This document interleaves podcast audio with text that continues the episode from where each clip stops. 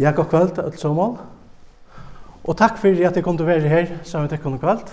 Jeg har glett meg til at komme til skalar og her var noen løte sammen med dere om et her evne. Uh, jeg vet ikke om det vil være lust ved dere hva jeg skal snakke om, men det er uh, ja, tryggven, hva er trygg, og, og hver, uh, hva plass hever viljen i samband med trunna. Her var et fratsan vilja, etla hava som Luther sier, en tjælabundnan vilja. Så det skal jeg sier syndrom, men jeg husker at vi kunne byrja vi at uh, bya saman. Gå i himmelske fægir, takk fyrir at vi kunne møtast her, og være saman om tukt år. Takk fyrir uh, trunna, takk fyrir uh, at av nage er vi frelst, ikkje vi gjerningom, men til tøyn gava gav og god, bi etter at du måste åpna okra gjørstu, og ja, gjev okkom med tekstliv, fyrir tøy som tu hever a gjev okkom. Ta bi jeg vet om, og Jesu navna, fyrir Guds rujtje. Amen. Ja, så ta ebda jeg vil spurt om å si syndrom etter, så fyrir beina vegin at også om kvart hva skal man bruka lukka som, som kjelter og så rett. Jeg har ikke kanna lyse så øyla nek om hinn trela bondna veljan, men så, så fann jeg en bøk som øyter Drømmen om den frie vilje, av øyne som øyter Ola Valensenstad. Så det er uh, nok som jeg fra honom, som, uh, som uh, sier nek om kveld, og, og så er jeg bøkene, eller bøklingen, til Øyvind Andersen, Jesus og troen. Um, men jeg skal begynne ved å lese noen år, som sier sin om trunna.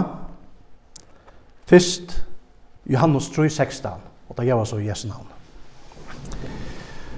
Til så elsker jeg god tøymen, at han gav sånn sånn hin øynbøyna, til tesse at øyn og hver som tror han, ikke skal glættast, men hava evigt liv og Johannes 3, 36, «Tan som tror av sonen hever evet løyv, men tan som er sinnon av løyen skal ikkje sutja løyve, men vrøye gods være verande iver honom.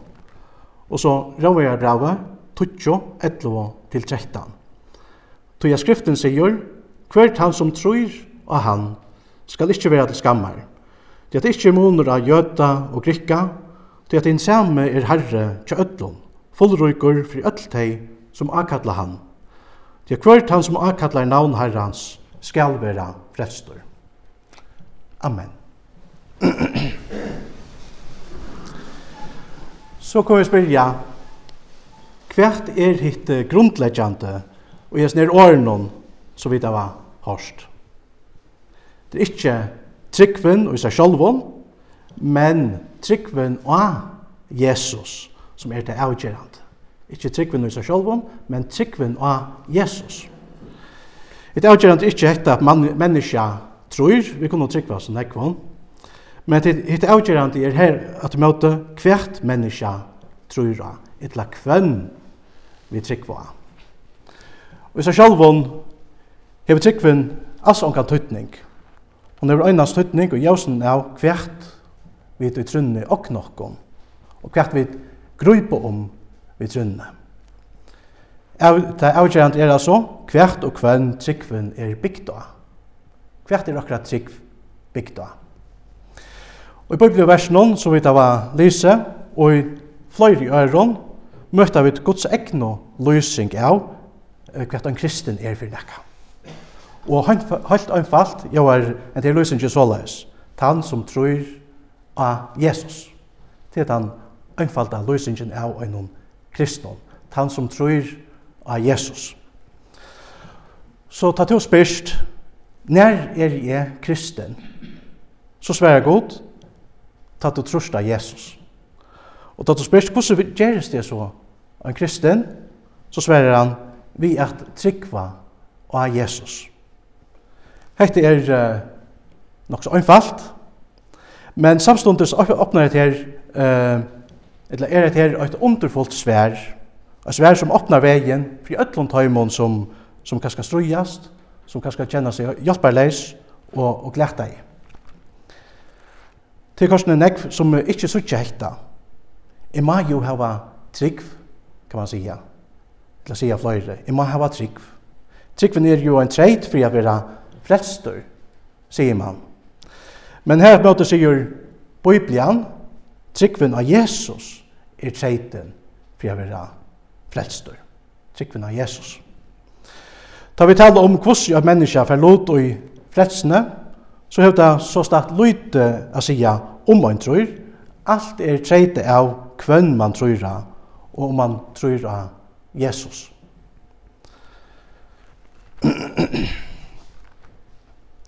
og i snedbautlingen, tja Ivan Andersen, Jesus og troen, sier han, Møyre enn øynafer har menneskje og svarer nei, sagt vi med, jeg ivist ikke ui at Herren kan hjelpa meg, og i røynt og verro, ivist jeg heller ikke ui at han vil, om jeg bare hei trunna til å være hjelter. Men just i hese støvne er det særlig godt at dvelja vi det som Herren løyder etter til okko. Hva løyder han etter til okko? Jo, til hekta vi løyt okkon sjálv tja Jesus. Han hjelper, frujar og frelser menneskje til at de har løyta seg sjálv tja Jesus. Lykka mykje kvosset du hevet da, lykka mykje kvosset du egna støva er, løyta du deg sjálv tja Jesus, så trus du eisni han, stort sagt. Om så alt anna er avgrøyt fyrir jokkon, om vi ikke skilja nekka anna og i Guds åre, om vi hverst kunne grøya fra rettvursgjeringsene og halganene, om vi ikke skilja nekka vi trunni og heldur ikke vita om vi dverja er og omvendt, så skilja vi korsne etter øyna. Han som løyta seg sjálv tja Jesus, verur hjoltor og frelstor. Og du kanst løyta deg sjálv tja honom, hevast du sjálfur, eller sjálv, eh, ikkje megnar at trykva, eller kjenda såleis at her. Og røymløyt som det jauar, så er hekta korsene det som Guds år sier. Han som ikkje meknar at trykva, men korsene løyta seg sjål tja Jesus, han og hon tror. Trykven er jo ikkje nekka som to sjálfur, og det sjálfur skal avrika. Og grunden er det godt at to ikkje meknar at trykva, til at så har du ikkje din egnu trygg at løyta av. Hetta at du bæra hefur Jesus a flytja til og at lyta av er det øynasta som Gud løytar etter til okkur menneskjum. Og det som er noe godt til Gud, det burde sjåan til Østene være noe godt til okkur. Og i bøkningsnån til Arvind Andersen sier han Mengan ta eva stattur i nei og alls ikkje hei trygg til a vera hjoltor, verre korsni hjoltor, Til at jeg i öllum mun egna hjelparløyse fekk løyve til at løyta meg sjálv tja Jesus, sier han. Han fekk løyve til at løyta seg sjálv tja Jesus. Og vi møtta det samme i Jesu egnu boan. Til dem så i Johannes evangelium, kapitel 6, vers 35, her sier Jesus, Jeg er luftsins brei, ta som kjemur til mun, skal ikkje hunkra og tann som ametrur skal aldri tista. Så her brukar Jesus åringarnar tann som kjemur til moin, og tann som ametrur vi som og mersking. er altså, æsne vi til at ondstrykka fyrir okkom, at trygg er a koma til Jesus. Trygg er a koma til Jesus. At løyta seg sjálf tja Jesus. Etla som Hans Nilsen Hauke sier, Ta at trykva Jesus og ta at koma til Jesus vi syne sint, ta er økt og ta sama, sier han. Og i Johannes evangelion, kapitel 8, vers 12, her leser vi Men så mange som tåk i møte i hånden, tøymon gav han mått til å være Guds bøten. Tøymon som trykva av navn hans herre. Så her vi sagt at jeg, at jeg imot i Jesus og til at trykva av hans herre navn er åkt og ta sama. At leita seg sjálv til Jesus, at akalla hans herra navn, at krøtja seg til Jesus, at koma til han, at tekka og imøte i honom, til alt grunda av hina øyne og somo og sannrøyndna. Og så kan vi spyrja, hva er det her for nekka? Jo, til dette at hjertet finnes jo anlitt av Jesus. At hjertet så sier blivit stilla inn av Jesus. Stilla og ras Jesus, skal vi da sige.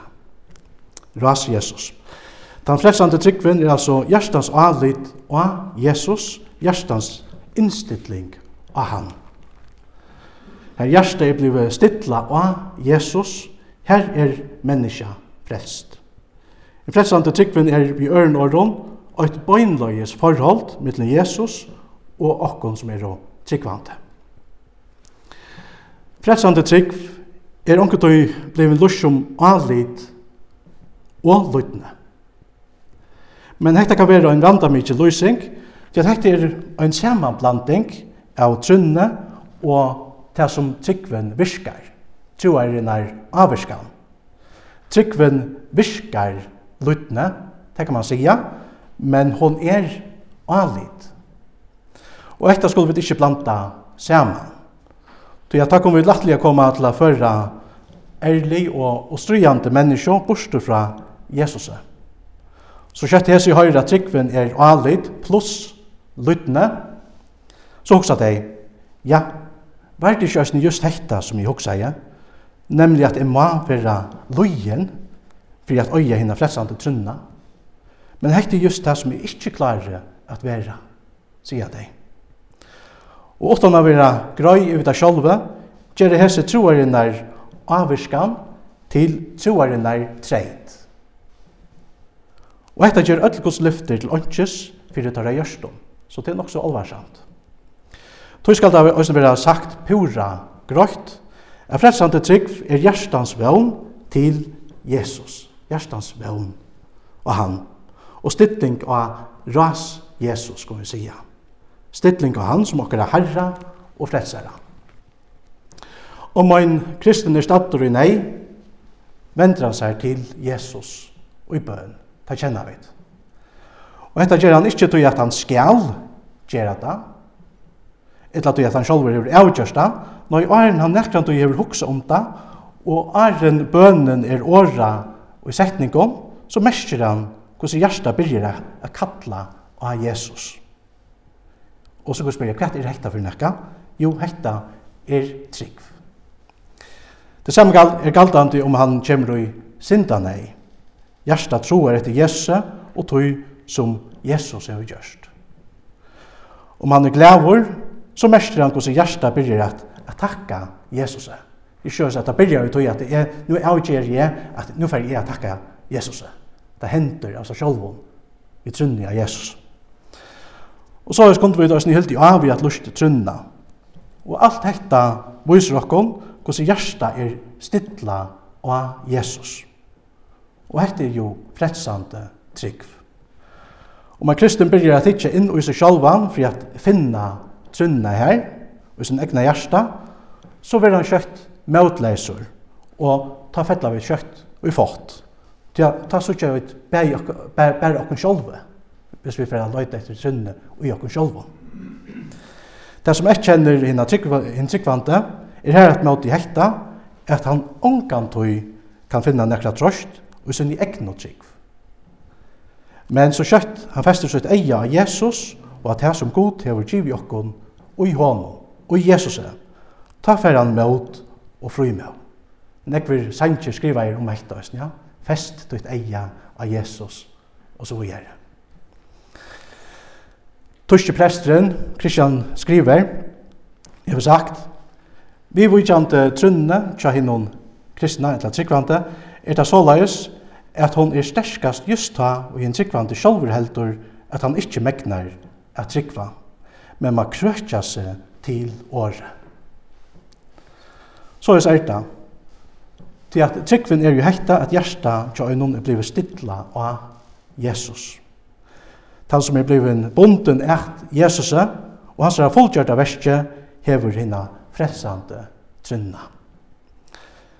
Men så kan vi spyrja, hvordan kommer vi så til trygg? Det er som vi vil kjente sier Paulus, og i Efsa Braunon, kapittel 2, vers 8 og 9.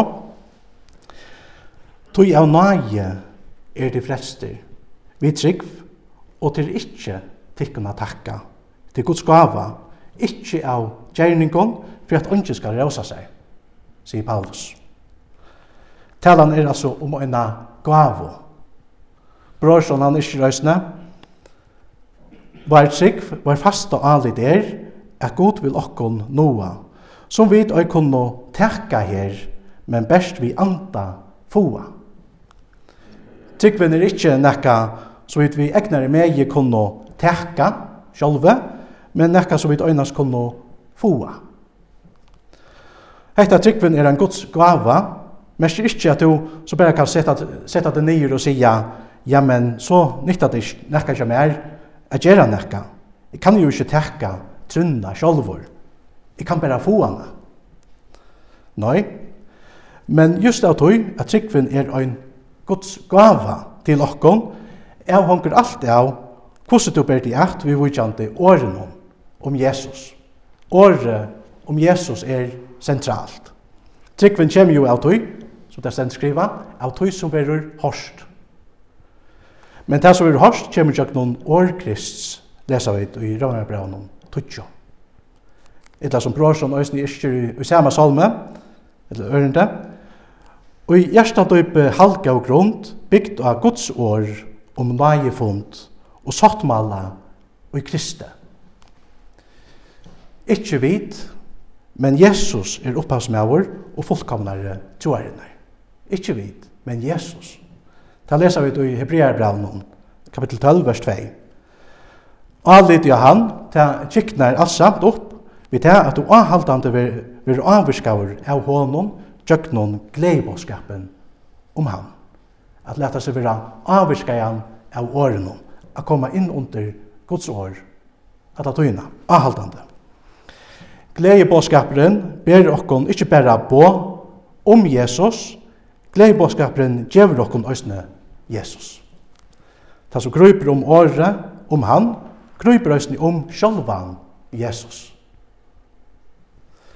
Tøy sier Øyvind Andersen, òsne, høyr, tala, syng og snakka om hva Jesus hefur gjørst fyrir til. Så kjem du òsne at løyta han, og åkna der han og alt det som han har gjort og er fyrir det. Etla som Brorson iskjer, ta år er god og milde se, se vi krosse krist lett blukka og breit ur deia slå og ve vid øya vel at ukka etter året. Tog her som ta at hjersta fer, folk attur raknar vi som er og sinta myskre sauna. Og jøs noen fra tøy som vi tar noen vi, så tja vit at okkara egne vilje hever ikke å ta ta kjemur til okkara omvending og frelso. Alt avhongur av Guds nøye og Guds frelsande vilja vi okkom. Og etter hans nekka som Luther skriva i om, og i uh, bautsinni tja seg, uh, om hinn trænla viljan fra år 1525. Og Det er godt å gjøre seg grøtt på en av veien, hva at Luther skipar til vi er snir åren som han brukar. Han sier vilje. Han sier ikke nøy til at mennesket hever en avvisan, fralsan vilja, og ja, gjerande spurning om, som til dømes at uh, få seg en drekkamon, etla bytja en hus, etla det som kan være. Det er fratse viljen og sambandet vi god, og hans er tøytninger for fredsene, som Luther sier nøy til. Luther legger altså dette, at menneska ikkje hever frassan vilja, vi vil kjante tog som er hakre. Altså det som hever vi, vi goda gjerra. Men bæra vi vil kjante tog som er lakre, det som er lagt inn under okkon menneska. Men så sier han, men i sambandet vi god og tøy, så vi viker frelsene og fordømingsene, hever menneska alls ikkje frassan vilja, men er fenga, lagt under og trælabondet enten under Guds eller Satans vilja, sier Lotte. Og etter høysen det som Paulus er inne, ja, til dømes hvis vi leser Efesabravet, kapittel 2, det er første versene her, her sier han, Øysene tikkon som var deir og miskjerron og sintun tikkara, og i ditt avur levd og i samsverande tøyerhottnon og i hesen høyme, etter hansara leie, så valdar herliginon i luftene, tog anda som nu er virksamur og i bøtnum avlytnesins, som òsne vit öll avur livdu i mittlun og i holds gyrdun, gyrdun okkara, ta vi gjørdu ta som holdte og hugsanar vildu og vauru av naturu brøyinarbøten og eins og òsne hinir.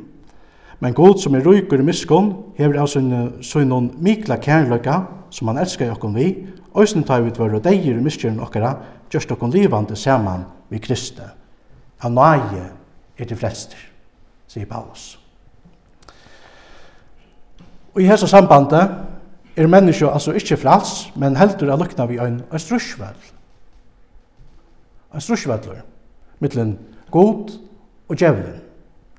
Og Luther han understryker, om vi er under hesson hamsens gode, til å si ja, djevelen nå, så er vi òsne fangsla etter hans vilja, òsne det som uh, Paulus uh, nevner i Efsarbraun. Og Luther sier vi gjerne, liva vid og djevelsens gære, gjerra vid etter egnom vilja, og i samjav vi viljan. Men om ein som er sterskare enn djevelen kommer av han, og vinner sier av honom, og teker okkon til oknar, så er vi aktor vi anta hansara træler og fengar, som tå er et kongalit fralse, sier Luther. Så at vi fekner gjerra til som han vil at han hatt hever mannaviljen sutt loss og i myene som eit avmelande røygjør, sier Luther, altså som en, som en hester. Ja? Om god setter seg av det, gong det her god vil, setter satan seg av det, så fer det her satan vil. Og det er ikke opp til røygjøri at avgjera om det skal renna til hesa eller hesa søgjena. Og jeg snir uh, hese bøkjene drømmen om den frie vilje, sier uh, norske godfrøyngren og hønsbekkingren Ola Valens Henstad, om bådskaperen om hinn trælabundna viljan ikkje gjøver klost og størst i møgnihøytene, så gjøver hinn sanne glede bådskaperen vi vissu heldur ikkje her, sier han. Tog kristblau og rattvise hever visslige unga møgning undan tidsi her, og utover givet til fordømtar og glættar sindarar som i seg sjálvun ikkje er fører fyrir nøkron. Altså, han ikkje er fører fyrir nøkron i seg sjálvun. Og han sier hva gjør det? Det er fullkomliga høpeslest at et menneske vil flest av nøye, frukt og av oppe båre, om det er grunden er frie viljen tja vikommande som er det avgjørende, slår han fast. Og så er det nekkere etfinninger vi vil kjente trela bundna viljan om, som jaunan stinka seg opp, Og jeg skal tekka tvei, eller tve atvinningar fram her. Det første det er hekta, som han sier, at om vi ikke har fralsan vilja, så kan ønsken standa til svars for sine egnu gjerningar. Hette er en, en atvinning som javnan er oppe i aventa i samband við hetta evne. Og han sier, og gjerra, ta kono vi ikke kalla menneskje til at vente om, til at hei sværa bare, jeg kan ikke gjøre vi at jeg ikke er kristen, til at god han hefur ikke gjørs med kristna, stått sagt. Han er ikke sikkert fyrir at jeg hei tryggvante eldor, og at jeg ikke tjekk i kyrkjo og av møte. Men om Jesus sjálfur kallar menneskje til at vende om, om Jesus sjálfur sier at vi skulle færa ut og gjøre öll falkas lød til Jesus lærersvenner, så er det grøyt hva vi døysen i øya er gjøre. Og hva så vi hesson at vi ikke kunne standa til svars for okkar egnu og gjerningar. Og vi ikke hava flatsan vilja. Og sambart uh, Ola Valen Senstad er hekta en stor miskiljeng. Det at avbyrden er i røynd og veri og ikke, i, ikke bunden til okkara vilja som så. Om det ikke er et vekt av fratsan vilja, sier han, og i hjertan hon, så er avbyrden korsene her. Arbeiden ligger nemlig i samviskene, sier Olavan Senstad. Arbeiden ligger i samviskene. Tog er det også at rithøvendren til Hebrearbravet sier, de kjente årene, det er Guds år er livande og mattmykje, og kvassar er nekka tvoi etja svør, og fer inn i kjøkkenon til det skiler sal og anda, lier og merk, og dømer hoksaner og ra hjertans. Og ikke skapninger i fjaldur fri asjon Hasera, men alt er nært jo best fyrir eion hans herra, så vi standa til svars fire.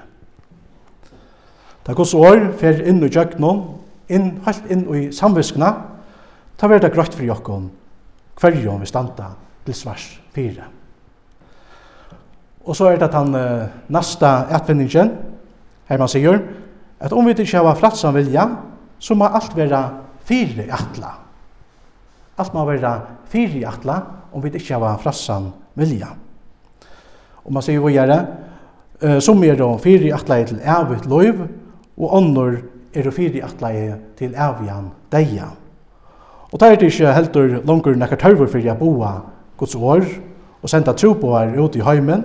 God har jo langer fyri atla som er menneskje til frelse, og ånder menneskje til gleta, sier man. Men hetta samsverar ikkje vi bøyplina, som pura grøtt sier okkom, at god vil at öll menneskje skulle være frelst og komme at kjenne sannløygan. Og om man har hekta kunne ut æsne sida, at ønsken vil frestur utan av Guds nage øyna. Og ønsken glættast utan av egnon avon øyna. Og etter æsne det som vi sutja og i æsne versen som vi leser i Johannes 3, 16. Det er så elskar i god tøymen, det vil si öll människa. Att han gav son så in i ögnbarna till tess att ögn och kvör som tror att han inte ska glättast men hava evigt liv.